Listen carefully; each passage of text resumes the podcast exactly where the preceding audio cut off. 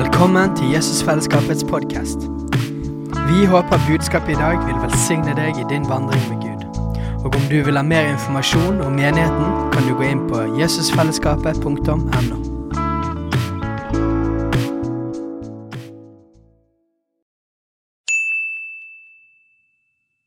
Hei! Visste du at Jesusfellesskapet starter en ny bibelskole til høsten? Den heter Jesusskolen og starter den 3. september. Gå inn på jesusskolen.no for mer informasjon.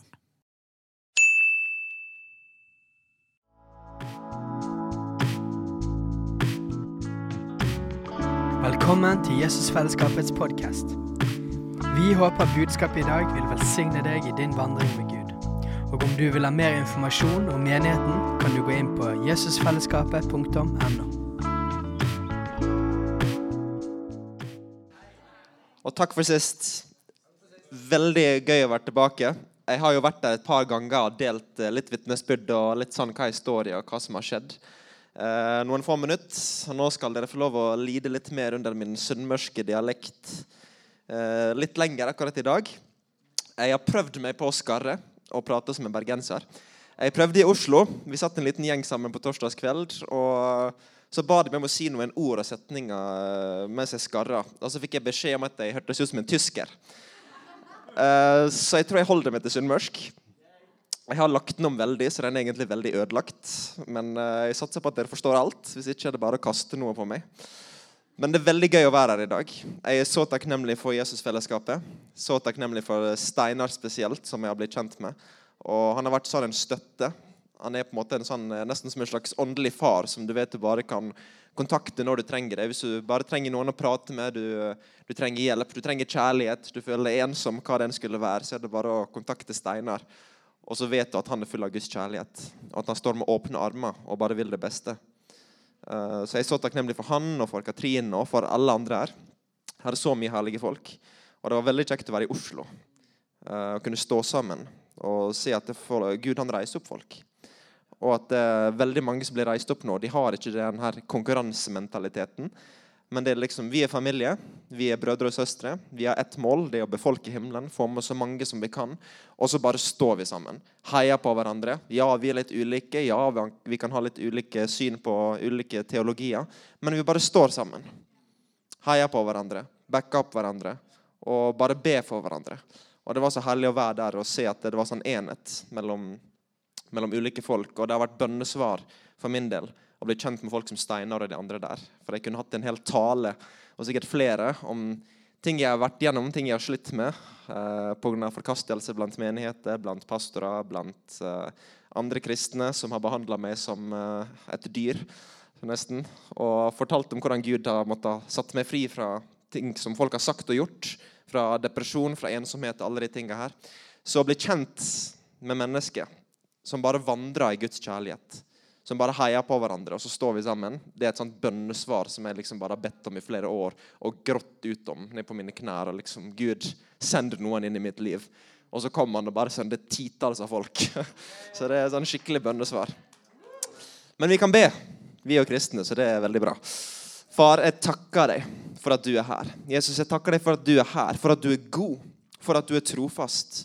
Og Jeg ber om at du kommer i dag og så berører ditt folk. Hvis det er noen som lider, noen som har sykdom, noen som har angst, depresjon, Herre, så kom og leg de, kom og berør de og sett de fri og helbred de, Jesus. Om det er noen som trenger å overgi sine liv fullstendig til deg, Herre, så la de gjøre det i dag. La de innse at du står med åpne armer, og du sier 'kom hjem'. Og Jeg takker deg, Jesus, for din kjærlighet, for din godhet, for din trofasthet. At du holder ditt ord, Herre. Og når vi samles sammen, så er du der midt iblant oss. Så jeg takker deg, Jesus, for den du er, og for at du alltid er her. I Jesu navn. Amen. Jesus er her. Uh, vi er flinke på å si det.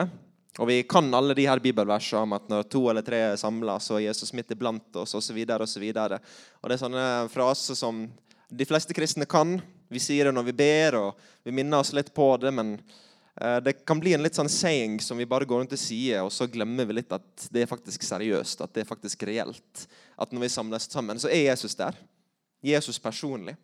Og det ble så ekte for meg når jeg talte på en konferanse eh, der jeg underviste om legedom, og at Gud han ønsker å helbrede mennesket. Om hvordan du ber for syke, og liksom prøvde å gi full pakke på litt kort tid.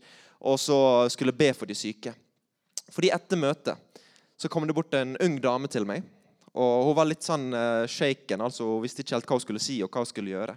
Fordi at hun hadde opplevd noe veldig spesielt når, uh, under det møtet, spesielt på slutten av møtet under forbønna. Så hadde hun stått der og hadde sett opp på scenen der de sto og forkynte og sto og ba. Og så hadde hun sett Jesus som sto på scenen. Og vet du hva Jesus gjorde? Han sto og smilte mens han sto bare så utover de folka som var der. Og Mange ble helbreda, mange ble satt fri, men hun, hun hadde en takknemlighet og en iver som ingen av de andre hadde. Fordi at Hun sto og så at Jesus sto og smilte og var glad når han så på sitt folk. At de påkalte hans navn for kraft, for legedom og for frelse. Og han er her i dag. Han er midt iblant oss. Og til og med når ting er vanskelig, når ting ikke helt går vår vei, så er han der. Jeg kan gi et litt sånt morsomt eksempel før jeg setter i gang her, fordi vi trenger å le litt av og til. Og um, det er veldig viktig. Noen kristne du ser på ansiktet deres, og du kan jo nesten få depresjon. Så vi trenger å le litt innimellom. Og Jeg var i Asia nylig, som dere vet, for jeg var jo her og delte litt uh, fra hva som hadde skjedd på turen, og det var veldig fantastisk. Men du har jo litt sånn historie som du ikke forteller når du skal fortelle de sterkeste vitnesbyrda hva som skjedde. Eh, fordi vi skulle ha et møte der borte, eller en slags feiring av noen skoler som hadde et eh, tolvårsjubileum. Og Så skulle jeg undervise, jeg skulle forkynne evangeliet og skulle be og velsigne studentene og lærerne. og Det skulle komme over 1000 folk. Og Vi skulle gå i en parade sånn 17. mai-tog lignende gjennom eh, den byen som vi var i. Ca. tre timer fra basen jeg bruker å bo på. Og Jeg dro dit tidlig om morgenen, kjørte i eh, flere timer, og skulle gå på do. Veldig hellig. Og akkurat når jeg gikk inn på toalettet, så så jeg at buksa mi hadde rivna sånn skikkelig. Ikke bare litt, men det hadde et stort hull akkurat her. Og så tenkte jeg det her er ikke gøy. Nå skal jeg stå og tale foran 1000 folk. Vi skal gå i en parade gjennom hele byen. Og jeg har et kjempestort hull på akkurat feil plass.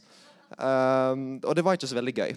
Så jeg måtte liksom gå med beina veldig samla resten av dagen. Og gå på en litt sånn rar måte. Så folk kom og spurte liksom Har du vondt i magen? Går, går, det bra? Er det noe gale? Og jeg kunne ikke kjøpe noen ny bukse, fordi at i det området er det kun eh, filippinsk størrelse. Og jeg har prøvd. Uh, det går ikke. Uh, men Jesus kom. Han var der likevel. På tross av det hullet jeg hadde i buksa, så kom han med sin kraft. Og folk ble berørte, folk ble helbreda, ting skjedde. Så på tross av hva som skjer i våre liv Nå var ikke akkurat det det beste eksempelet på, på trengsler. Men uansett hva som skjer, så kommer han. Og han er trofast. Og han er midt iblant oss. Han som har skapt alt, han som har gjort alt som vi ser rundt oss. Han som kan reise opp døde. For han som ingenting er umulig. Han er midt iblant oss når vi samles. Og Det var så fint at noen ba her under lovsangen at se for deg at Jesus står fremfor deg. Og det trenger vi å gjøre, og huske at han er med oss hele veien. Og det er en sånn realitet jeg prøver hele tiden å huske når jeg er ute og reiser, eller uansett hvor jeg måtte være, at Jesus han er med. Jeg går ikke ut alene, men han er med meg. Fordi at han lovde det. Han ga aldri et løfte om et enkelt liv. Han ga aldri et løfte om at vi ikke skulle ha trengsler, heller stikk motsatt. Men han ga et løfte, og det var at han skulle være med oss. Alltid. Og han er trofast. Han er god. Og vi trenger å søke han mer og mer. Og Da tror jeg vi vil erfare hans trofasthet, vi vil erfare hans kraft mer og mer i våre liv. For Bibelen sier vi skal søke først hans rike og hans rettferdighet. Og Jeg lengter etter at Kristi kropp, spesielt i Norge, kommer tilbake til det her, der vi virkelig setter Gud først. At det ikke bare blir en hobbyaktivitet, eller at det å søke Gud det blir to-tre timer hver søndag, eller kanskje fem minutter hver morgen i en andaktsbok der vi leser en side, og så ber vi en bønn på tre setninger som står nederst men at vi faktisk fullt og helt 100% setter Gud først og søker Han. At vi elsker Han fremfor alt. Bibelen sier vi skal ta avstand fra alt som kan ta Guds plass i våre hjerter. Fordi Vi har mange avguder i Norge. Vi har kanskje ikke så mange buddhistiske tempel og sånne ting som står rundt omkring. Men nesten alt kan ta Guds plass.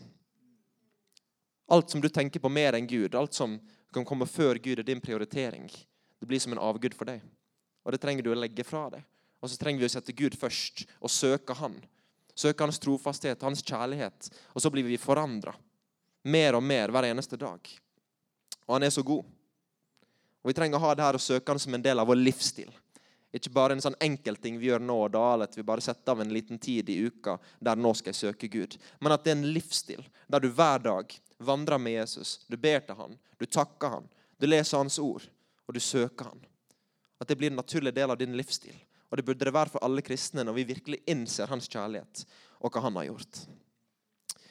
I Matteus 5, som de fleste kjenner til hvis du har vært i menighet en liten stund, hvis du har lest litt Bibel, så eh, er det et kapittel og noen kapittel framover som de fleste er veldig kjent med og har lest mye. Jeg elsker dem. Jeg husker det veldig godt. Det var første prekenen jeg hadde når jeg kom tilbake fra bibelskole til USA. Det var ut ifra Matteus 5. Og Folk ble frelst, og folk kom frem og ga sine liv til Jesus. og De ble døpt i vann og begynte å gå i menigheter. Og Det var sånn god start. Og Så kom alle trengslene etterpå, og så var det ikke så gøy lenger. Men, eh, men jeg husker det veldig godt. Jeg vil lese et par vers der. Vers 6 og så vers 8. Det står 'Salig er det som hungrer og tørster etter rettferdigheten', for de skal bli metta. Og salig er det rene av hjerte, for de skal se Gud.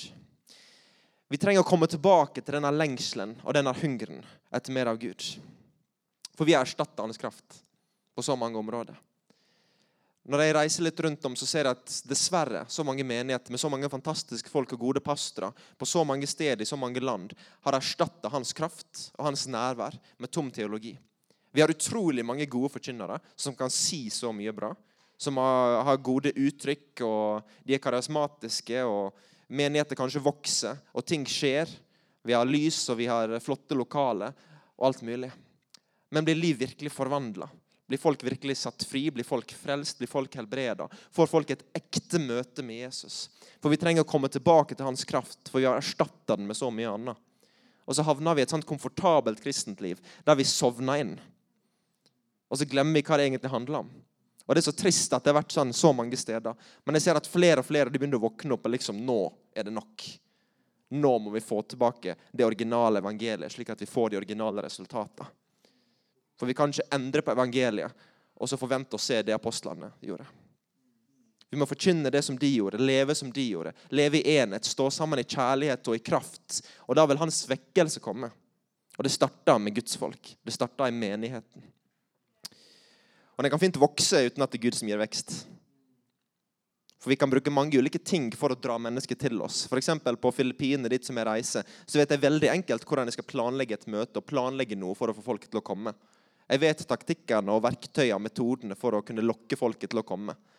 Og så kan jeg ha et møte uten at Guds kraft kommer. Og det er det som er så farlig. Så når jeg er der borte og jeg prater med menigheten, og vi står sammen og vi går i bønn, så sier jeg til dem at be om at Guds kraft skal komme. Fordi at folk kan komme, vi kan ha pengene, alt vi trenger av økonomi, vi kan ha lokaler, og det kan se helt fantastisk ut på bilder og alt mulig sånn. Men hvis ikke Gud kommer med sin kraft, hvis ikke Han kommer med sitt nærvær, da kaster vi bort tida vår, kaster bort pengene våre og kaster bort alt.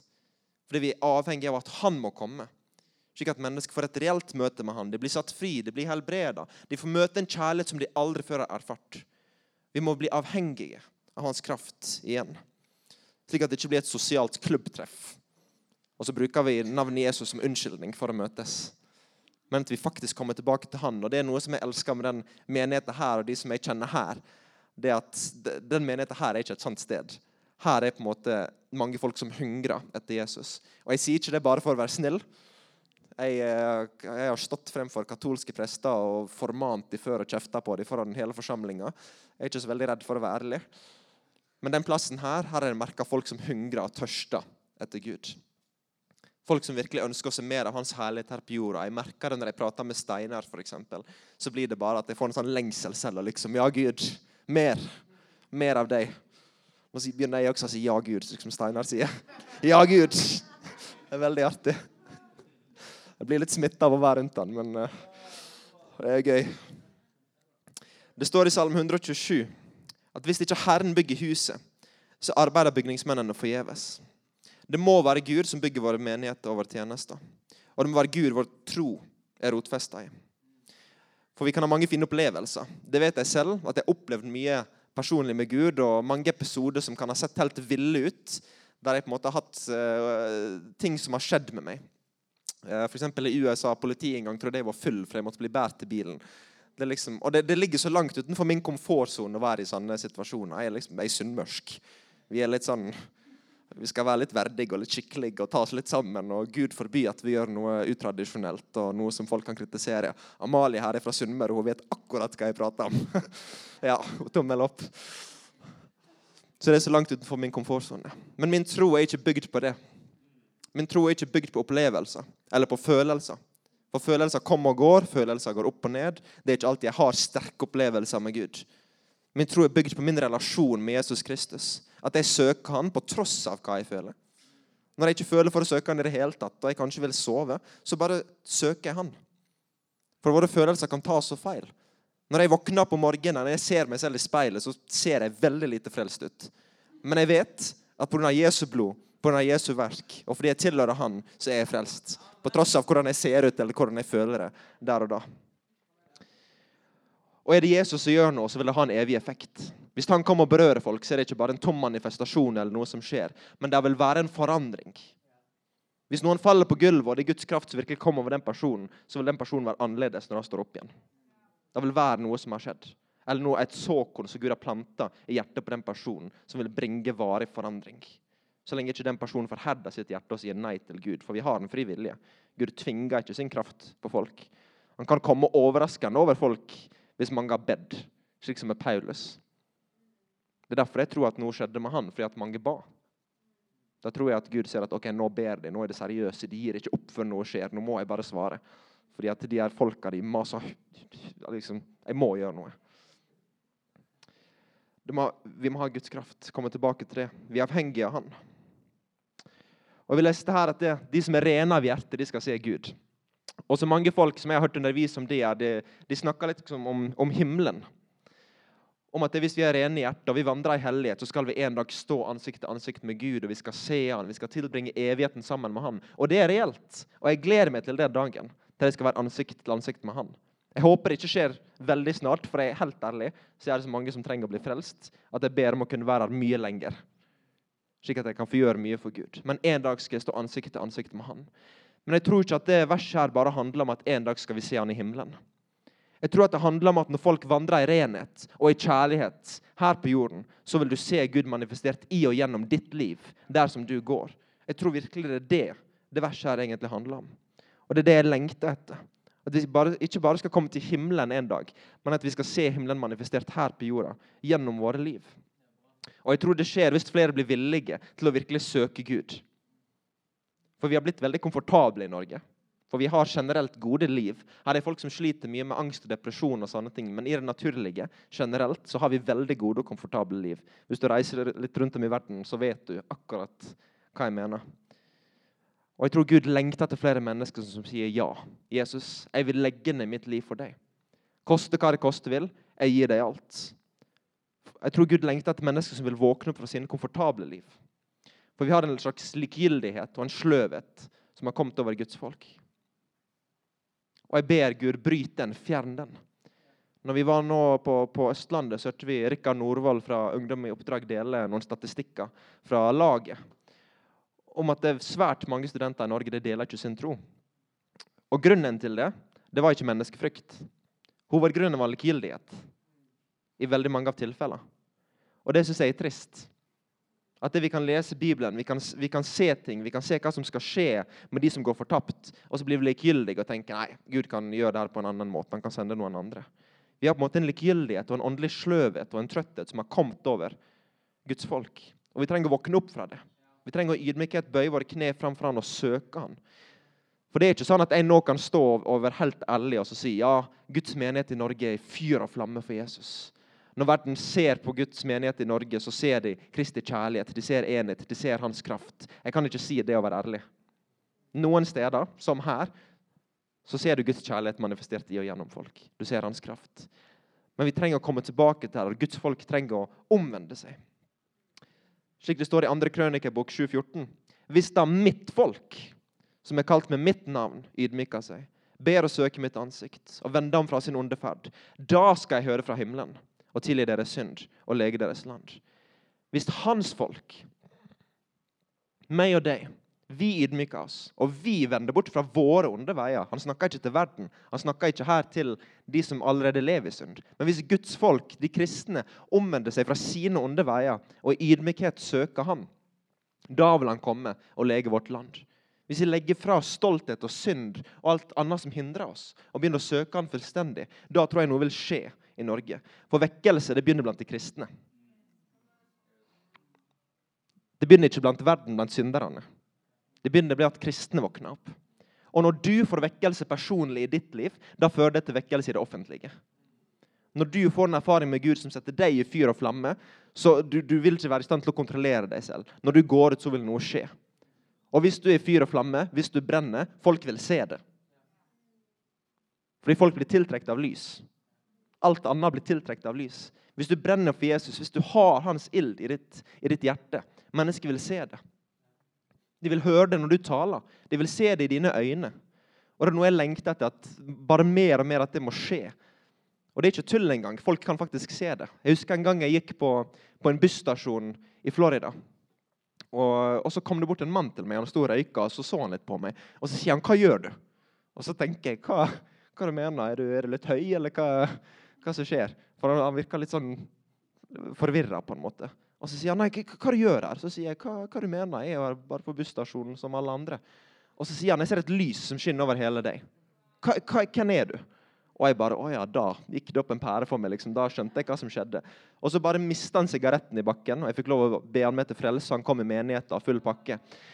Og det er det her som skal skje. At vi skal vandre så nær med Jesus, at vi skal søke han så mye at mennesker de ser på oss, og så bare Der er et eller annet med han der. Der er noe med hun der. Hva er det der for noe? At de skal se et lys, de skal se Jesus i dine øyne, de skal høre det når du taler. At Hvis du er rundt mennesker, du gir en klem, så skal de kjenne en farskjærlighet, en morsomsorg. Et eller annet som bare gjør at de blir tiltrukket til det som er i deg. For Jesus sa at når verden ser på hvordan vi elsker hverandre, da skal de forstå at vi er hans disipler. Vi trenger å komme tilbake til det her, slik at folk ser det. I Johannes' åpenbaring 3 så sier Jesus at han står ved døra og banker. Og så sier han om noen hører min røst og åpner døra, da vil jeg gå inn til han og holde måltid med han, og han med meg. Og igjen er det her til menigheter. Det er ikke til det ufrelste han sier det. Men han sier til menigheter, til de kristne. Så sier han jeg står og banker på døra. Kan jeg få lov å komme inn? Det er en skummel tanke. Hvis menigheten er så lukka for Jesus at Jesus må stå og banke på og vente på at noen skal åpne opp. Vi trenger å komme tilbake til han, til det originale evangeliet. Fordi, og så leser du f.eks i, i kapittelet før om menigheten Efesos, så sier at Gud han skryter av dem. Han sier dere har gjort det bra. Dere har vært tålmodige. Men så sier han igjen jeg har dette imot deg, at du har forlatt din første kjærlighet. Vi trenger å komme tilbake til Jesus. Komme tilbake til korset. Ikke bli så opptatt av, av, menighet og struktur og tjeneste og alt det praktiske alt mulig sånn at vi glemmer hva det egentlig handler om. At det handler om at mennesker skal bli frelst, at mennesker skal få et møte med Jesus. At vi må leve for noe som er viktig i evigheten. Og legge ned våre liv 100 fullstendig. Koste hva det koste vil. Og når du gjør det, så er det så mye glede i det. Det er så mye glede i å, i å lide for Herren. Vet du det? Vet du hvor gøy det er? Når ting kommer imot deg fordi du er kristen. Det er kjempeartig. Det Jesus sa det selv. Gled dere. Ikke sant? Som jeg, jeg delte, jeg tror, jeg tror, jeg sa det her en gang. ikke sant? Jeg har vært nær med å dø flere ganger med folk som har kommet og skulle steine og skyte og løpt etter med kniv og sånne artige ting. Og folk spør er du ikke redd. Og så sier jeg hva jeg skal være redd for. Enten dør jeg, havner rett i himmelen. Uh -huh. Kjempetrist. Eller så overlever jeg og får en kjempekul historie å fortelle. Vinn-vinn-situasjon. Uansett hva som skjer. Så lenge jeg tilhører Jesus. Hvis du ikke tilhører han, så burde du bli frelst først. da. Hvis ikke, så har du et annet problem. Men vi trenger å komme tilbake til den første kjærligheten. Komme tilbake til Jesus. Være villig til å gå gjennom alt for han. Være villig til å legge ned alt, om det så er bare for at én person skal bli frelst. Så er det verdt det. Absolutt. Og så står det i Romerne 2,4 at Guds godhet leder oss til omvendelse. Og Det er et typisk bibelvers vi bruker for ufrelste. At ja, vi må vise det Guds godhet, så, så, det, så de får omvendt seg. Og det er helt sant. Helt reelt. 100% enig, men det gjelder også de kristne.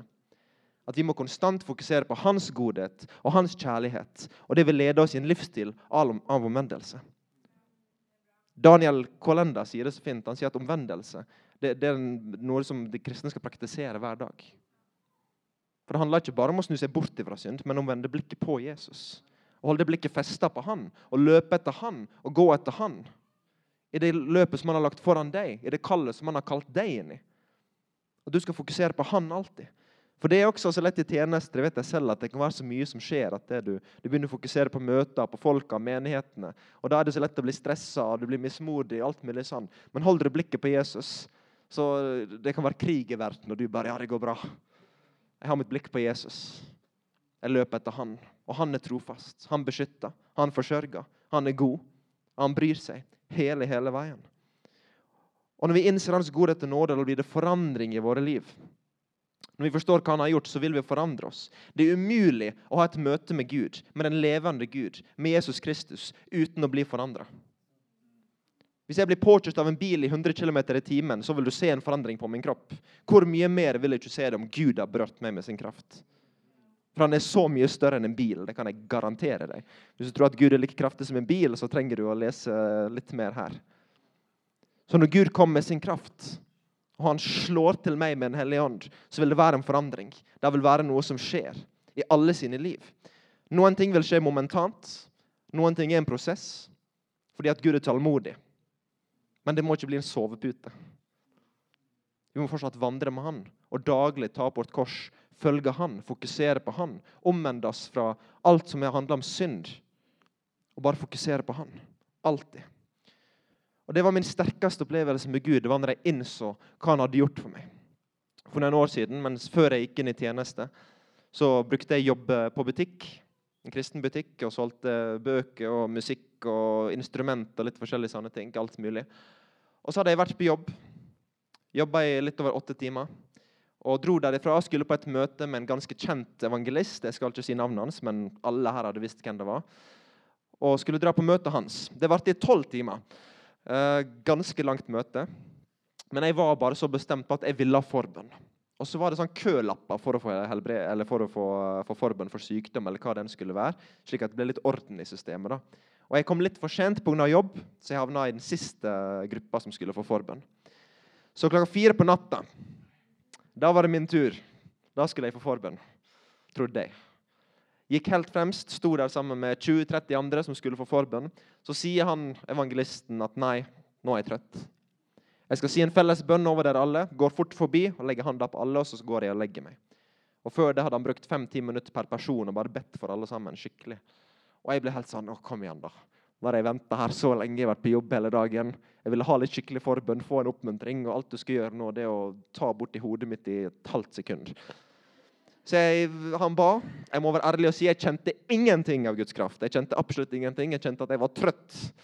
Uh, så jeg dro hjem, litt skuffa. Lå i senga. Fikk ikke til å sove. Og så tenkte jeg, hva er det nå for noe? Hvorfor får jeg ikke til å sove? Så begynner jeg å be liksom og si til Gud kom igjen. Jeg har jobba hele dagen. Jeg dro på møte lenge. Og nå ligger jeg her. Jeg må snart opp igjen, for vi skal ha møte i menigheten. Kan jeg være så snill å få lov til å sove? Og så ble jeg minnet på en sang som handler om korset, som handler om vår verdi pga. det Jesus har gjort, så begynner jeg å høre på den sangen. Og Nå skal jeg gjøre den historien litt kortere enn hva den egentlig er. Uh, først og alt fordi at jeg begynner å hulkgråte hvis jeg skal gå i detaljer. Men plutselig, mens jeg lå der i senga mi, hørte på den sangen, så var det som jeg ikke lenger var i rommet mitt. Kort fortalt så sto jeg så på Jesus og jeg sto så på korset. Og jeg så hva han gikk gjennom. Og jeg så hva mennesker gjorde med han. Og jeg fikk personlig føle den ensomheten som han kjente når han hang på korset. Da han ropte ut 'Min Gud, min Gud, hvorfor har du forlatt meg?' Og Bare i et lite øyeblikk så fikk jeg se den herligheten som var når han sto opp igjen fra de døde. Og jeg kan love dere at Hadde dere sett det som jeg så, bare i et halvt sekund, så hadde alle her vært ned på kne og tilbedt Jesus. Absolutt alle. Ingen kan motstå den kraften. Absolutt ingen. Og det forandra hele mitt liv. Når jeg så personlig hva Jesus har gjort for meg. Jeg fikk kjenne på hans kjærlighet. Fikk kjenne på hva han har gått gjennom for meg. Og Det forandra alt. og jeg husker Dagen etterpå så gikk jeg til folk som jeg hadde såra, som jeg hadde krangla med, eh, som, jeg ikke hadde vært god mot. Selv om kanskje ting var deres feil, så gikk jeg til dem og jeg bare ba om tilgivelse. og Jeg holdt rundt folk og jeg hulkgråt og rista. Liksom, Tilgi meg, vær så snill, for det jeg sa. For dette innså hva Jesus hadde gjort for meg. Og det forandra mitt liv. Og så Den samme kvelden får jeg en telefon fra en pastor i Ghana i Afrika og så sier han du, jeg ba for deg. Jeg kjenner bare at Jesus sier at han skal gi deg en spesiell åpenbarelse om korset. Og jeg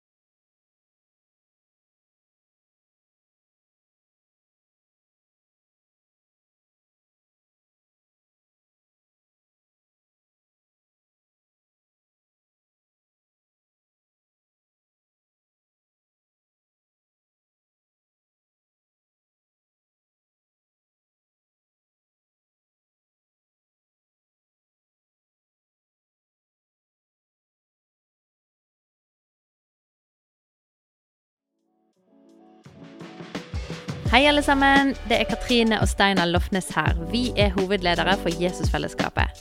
Så kjekt du har lyttet til denne podkasten. Har du forresten hørt noen av de andre podkastene våre?